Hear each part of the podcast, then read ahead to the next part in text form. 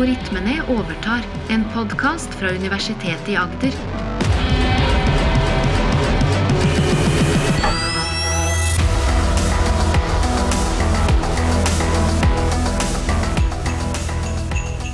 Dette er en julekalender spesial, hvor det bak hver luke skjuler seg en ny algoritme.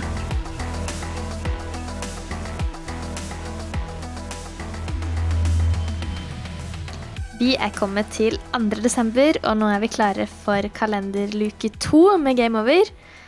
Og Morten, hvilke algoritmer skal vi snakke om i dag?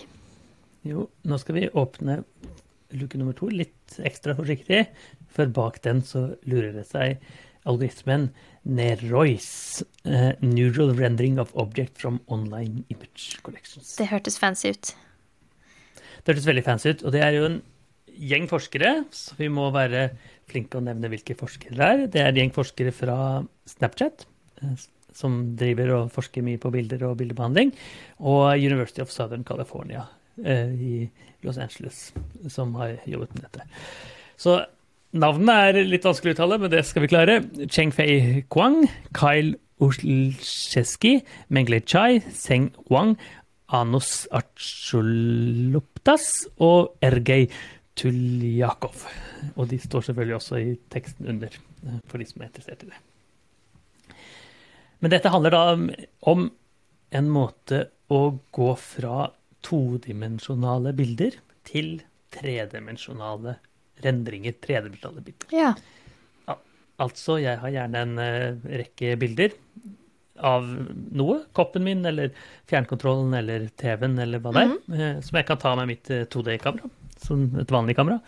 Og så bytter, spytter vi det inn i en algoritme, algoritme som heter Nerois. Uh, og så skal det komme ut en tredimensjonal rendring av akkurat det samme ut. Kan du da bruke bilder du har fra før, eller må du ta bilder med samme posisjon og veldig sånn nøyaktig fra forskjellige vinkler? Ja, kjempegodt spørsmål. I, I den tidligere versjonen, så hvis man er interessert i, i dette området, så har kanskje noen hørt om Nerf. Og det er den tidligere versjonen hvor bildene måtte være helt nøyaktig, helt posisjon, samme avstand. Og du må være veldig, veldig påpasselig med at du ikke du ser på og holder ett kamera litt langt unna, ett litt nærme osv. For da jeg tror den størrelsen her. I denne varianten her så er nøkkelen at du kan være litt uforsiktig. Du kan ta liksom, løpe rundt statuen og ta tre bilder. Ja. Eh, I Karl Johan for eksempel, og så får du eh, Ludvig Kolberg rendra ut er etter. Så hele, hele poenget er at du skal være litt uforsiktig, for det, er sånn man egentlig er. De fleste er profesjonelle fotografer som vet at de skal stå akkurat halvannen meter unna, akkurat i det sollyset. Mhm. Eh, vi bare tar litt bilder.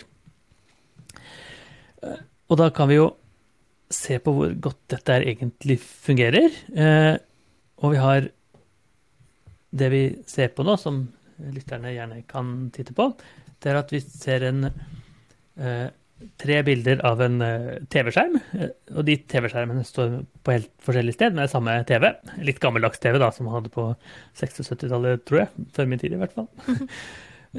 Og så eh, står på stuegulv, og så har de flytta den på et, et parkettgulv eller noe sånt, og så har jeg flyttet den ut på verandaen etterpå. Mm. Og så sendes disse bildene inn, og så får vi en helt fin, realistisk, i hvert fall relativt realistisk 3D-rendring av den samme TV.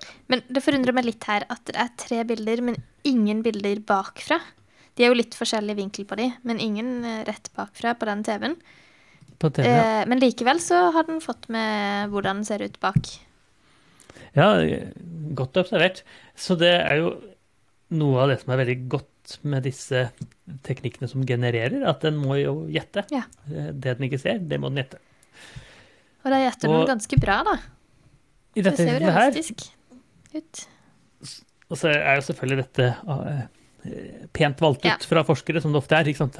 Vi viser de gode eksemplene. Mm. Men helt enig, det ser realistisk ut. Sånn vil jeg forvente at en TV ser ut fra baksiden. Mm. Så her ser vi det samme, eh, men hvor vi har en, eh, en statue av en actionfigur. Jeg vet faktisk ikke hvilken eh, actionfigur det er, men poenget er at det er litt forskjellig lys, men det er samme bakgrunn og samme kamera. Og da viser det at det lysforholdet i seg selv klarer den også liksom å kompensere for, og skjønne at det er faktisk hvis du har veldig lyst på den ene vinkelen, men dårlig på den andre, så klarer actionfiguren å se helt realistisk ut. Og tilsvarende, hvis du Hvis vi ser på eh, her et annet eksempel hvor du har en sånn kappe, en middelalderkappe, hvor man da har eh, samme lys, samme bakgrunn, samme farge, så fungerer det også, selvfølgelig. Eller mange bilder av eh, den egyptiske statuen Nefratiti eh, i helt andre vinkler. Den klarer liksom å plukke sammen alt sammen. sammen. Eh, og det er ganske stilig at dette går an, og følger seg inn i eksempelet hvor i, som veldig mange av årets kunstig intelligensalgoritmer egentlig handler om. Generere noe nytt bilde. I dette tilfellet ta 2D-bilder og generere 3D.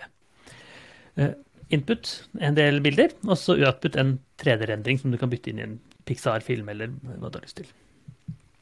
Og dette er jo en sånt konsept som egentlig er veldig lett for oss mennesker. Hvis vi ser ting i 2D, så klarer vi enkelt å forstå hvordan det er i 3D. Men en av grunnene til at vi forstår det så godt, er at vi kjenner godt til fysikken. Eh, hvordan ting funker. At hvis den er så stor på den siden og så stor på den siden, så må den være så stor på den siden som vi ikke ser. Ja. Eh, det er ikke en skjult uh, mørkt materie på baksiden, eller noe sånt, liksom, for det, det vet vi fins ikke. Eller i hvert fall veldig, veldig sjelden. Uh, og da er det jo uh, igjen sånn at et eksempel hvor maskiner og algoritmer og kunstig egentlig har vært ganske dårlig i alle år, mens disse Snapchat-forskerne har nå klart å vise at det, at det går bra eh, å oversette fra en todimensjonal verden hvor eh, man bare har X og Y-aksen, til en tredimensjonal verden hvor man har X, Y og Z, uten denne Z-informasjonen egentlig på plass. Det er jo veldig imponerende at den klarer. Det er strålende. Det betyr at det Antageligvis da, så sitter vi her på eh, en tidlig versjon av noe som kommer i Snapchat-appen nær deg. Eh, vi kan ta bilde av et eller annet på Snapchat, og så får jeg da Kan jeg se på baksiden av det? Jo, jeg vil gjerne se baksiden av en statuen som jeg ikke har hatt, eller jeg vil gjerne se en tredje Ja. variant av det. Så det, det den gjør, da, egentlig, den lærer seg Den, den er bygget opp i tre steg. Eh, og først så lærer den seg objektets form. Det er en kunstig intelligens som kjenner igjen objektets form. Eh, så, eh, er det som en firkant, som en melkekartong f.eks., eller er det en sirkel som en ball, eller er det noe mye mer avansert? Så det er liksom del én av den. Skal den lære seg formen i en kunstig intelligens. Og så skal den del to er at den skal lære seg teksturen. Og det betyr sånne ting som tetthet, farge, grunnfarge, glans og andre ting som er en del av figurer.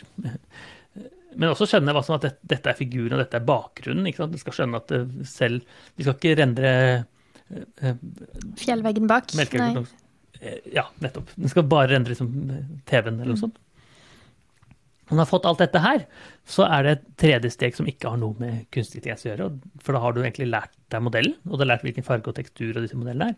Og så er det, kjører man på med en vanlig 3D-rendringsmetodikk.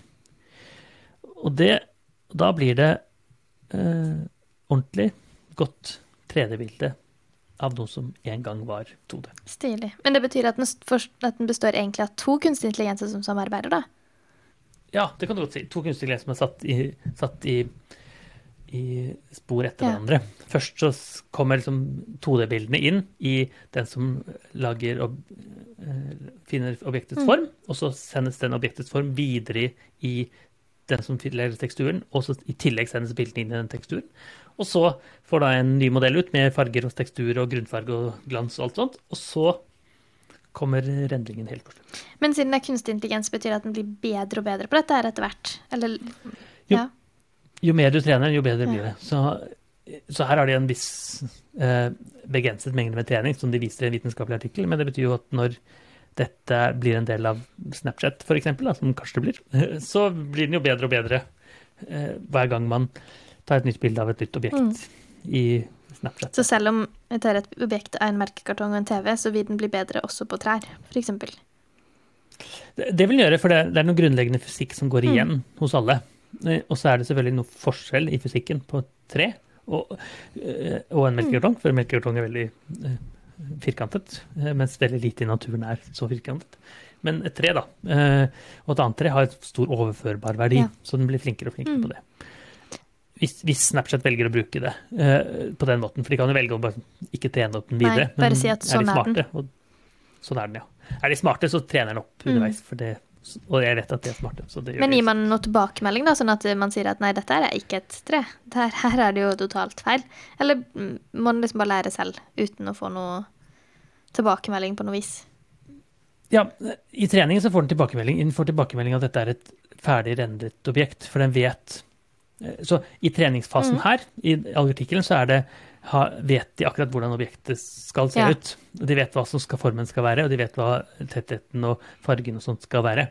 Eh, eh, så i forskningsøyemed så har man full kontroll Ja. på hele prosessen. Men det har man jo ikke når det er satt ut som en del av en app. Da kan du ikke si jo, jeg vil gjerne ha den litt litt videre. Sånn. Men det man kan gjøre da, er jo å finne ut hvor mye ting blir brukt. Så hvis noe blir brukt veldig Mhm. mye, så er, funker det antageligvis. Hvis mye brukt veldig lite, så funker det ikke så godt. Og det er en litt annen del av hele, hele løpet, egentlig. Mm. først vil du bare bevise at det funker, og, så, og det er det gjort. Og så setter du ut i produksjonen hvor du får alle disse små problemene. Det blir spennende å se da om de tar den i bruk i Snapchat, om dette er noe vi får se ut i Snapchat-appen etter hvert. Det tror jeg. Eh, det, eh, jeg tipper at det er en av de tingene som har fått hvert fall mye oppmerksomhet. Det, det er en av de tingene som har fått mye oppmerksomhet, men jeg tipper at det er en god grunn til, for da får du disse, disse eh, gode metodene, og kanskje et fortrinn for Snapchat. Og bare for å ha sagt det, i selve treningen da, så får den to tap, altså to ting den, to ting får poeng på. Og det ene er liksom volumet. Er volumet formen riktig? Og, og den andre er liksom lysstyrken. Eh, Ja. Altså all den glansen og alt dette er riktig. Som de to tingene den optimaliserer mot. Og, og gjør det veldig bra. Og hvor Og dette kan bli del av Snapchat, selvfølgelig, men eh, noen andre steder hvor du ser at dette kan bli nyttig? Maren? Eh, ja Hvor ville du brukt det? skulle... det, kunne jo, det kan jo være nyttig til å f.eks. lage animasjonsfilm. Eh, lage mm, Eller andre filmer, modeller av noe. Skulle digitalisere Ja. det. Så, eller vise Animasjonsfilm synes jeg høres ut som et ja, godt Vise eksempler på ting. Man skal selge et produkt, og så kan du lage en eh, forklaringsvideo veldig enkelt. Med å bare ta et bilde av den, og så får du den digitalt. Kjempegode eksempler, syns jeg. Og i tillegg, det som kommer på toppen av hodet mitt, er i hvert fall eh, at man kan ha litt mer eh, VR eller AR, altså virtual reality-varianter, eller augmented reality, hvor man kanskje kan få ekte objekter fra min verden, ta bilde av de, få det inn i min VR-verden, mitt metaverse, om du vil.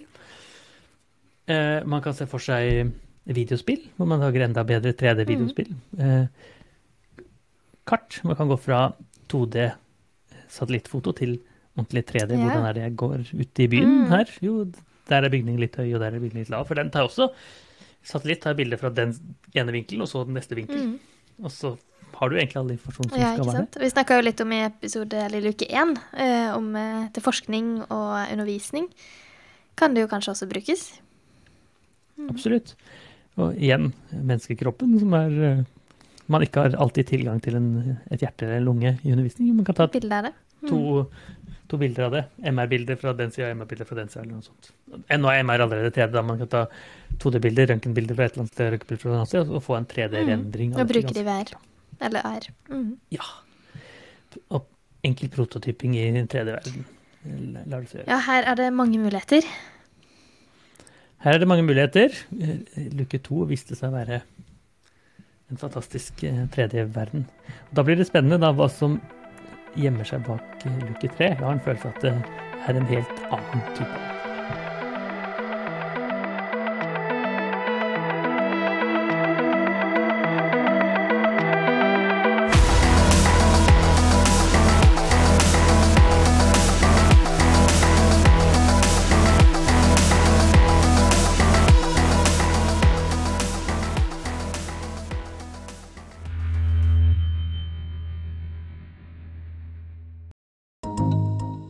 Universitetet i Agder.